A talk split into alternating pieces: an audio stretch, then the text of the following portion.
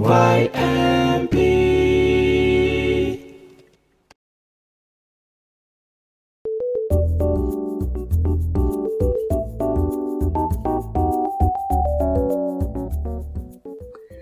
teman-teman, selamat datang di 5 Minutes Mana Podcast renungan singkat yang dipersembahkan oleh Bintarus Youth Media Project.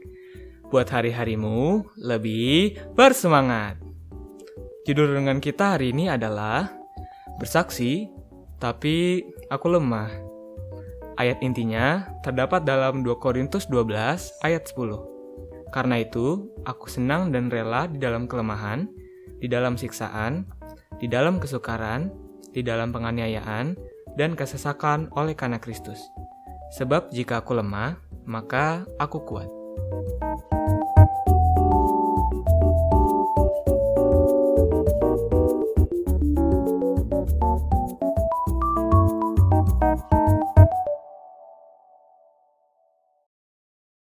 Apakah bersaksi itu sulit? Tidak, tidak sama sekali. Bersaksi itu sangatlah mudah. Mungkin kamu merupakan seseorang yang pendiam dan pemalu, sehingga kamu malu untuk mendekati orang lain sambil berbicara mengenai Yesus. Atau sebaliknya, kamu merupakan seseorang yang berani dan percaya diri, dan kamu mau bersaksi langsung di depan gerombolan orang. Entah kamu orang yang pemalu ataupun pemberani, kita bisa bersaksi melalui banyak cara.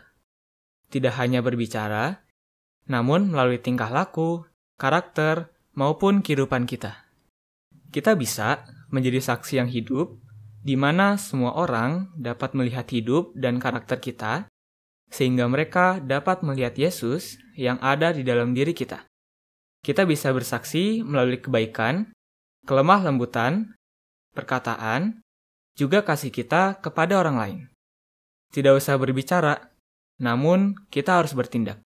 Sama seperti pepatah, action speaks louder than words.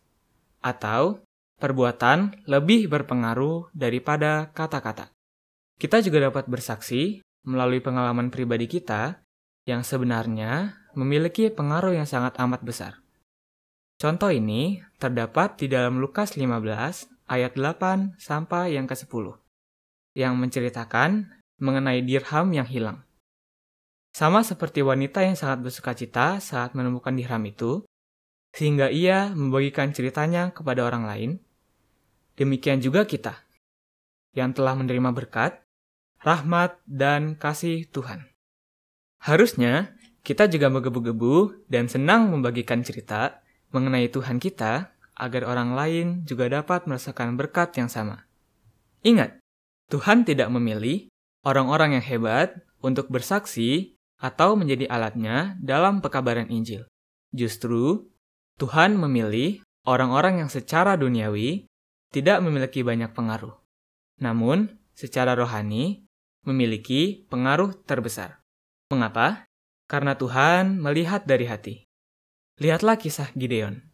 Pelajaran yang bisa kita petik dari Gideon adalah bagaimana Tuhan memilih orang-orang yang tidak terpandang, namun memiliki hati yang kuat dan teguh kepadanya, yang bila diberi percobaan dapat langsung lari kepada Tuhan dan hanya bergantung kepada kekuatannya. Tuhan bisa memilih orang-orang terlemah sekalipun.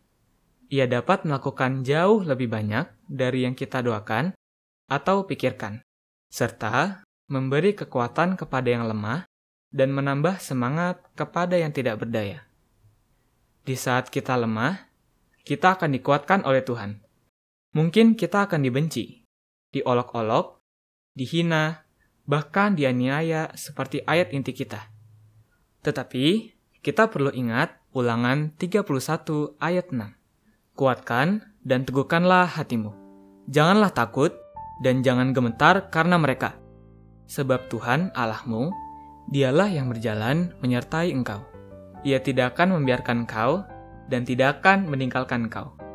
Jangan takut, sebab Tuhan pasti akan membantumu dan menguatkanmu untuk bersaksi mengenai Dia yang memberi keselamatan bagi semua orang. Pegang teguh dan percaya kepadanya. sebagaimana tertulis di dalam 2 Tawarik 15 ayat 7.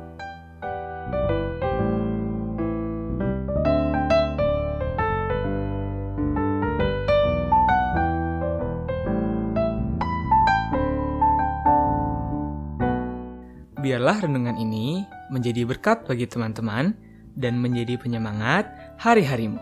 Jangan lupa follow Instagram kami di @pymp.sda. Demikianlah renungan kita. Salam Kristus.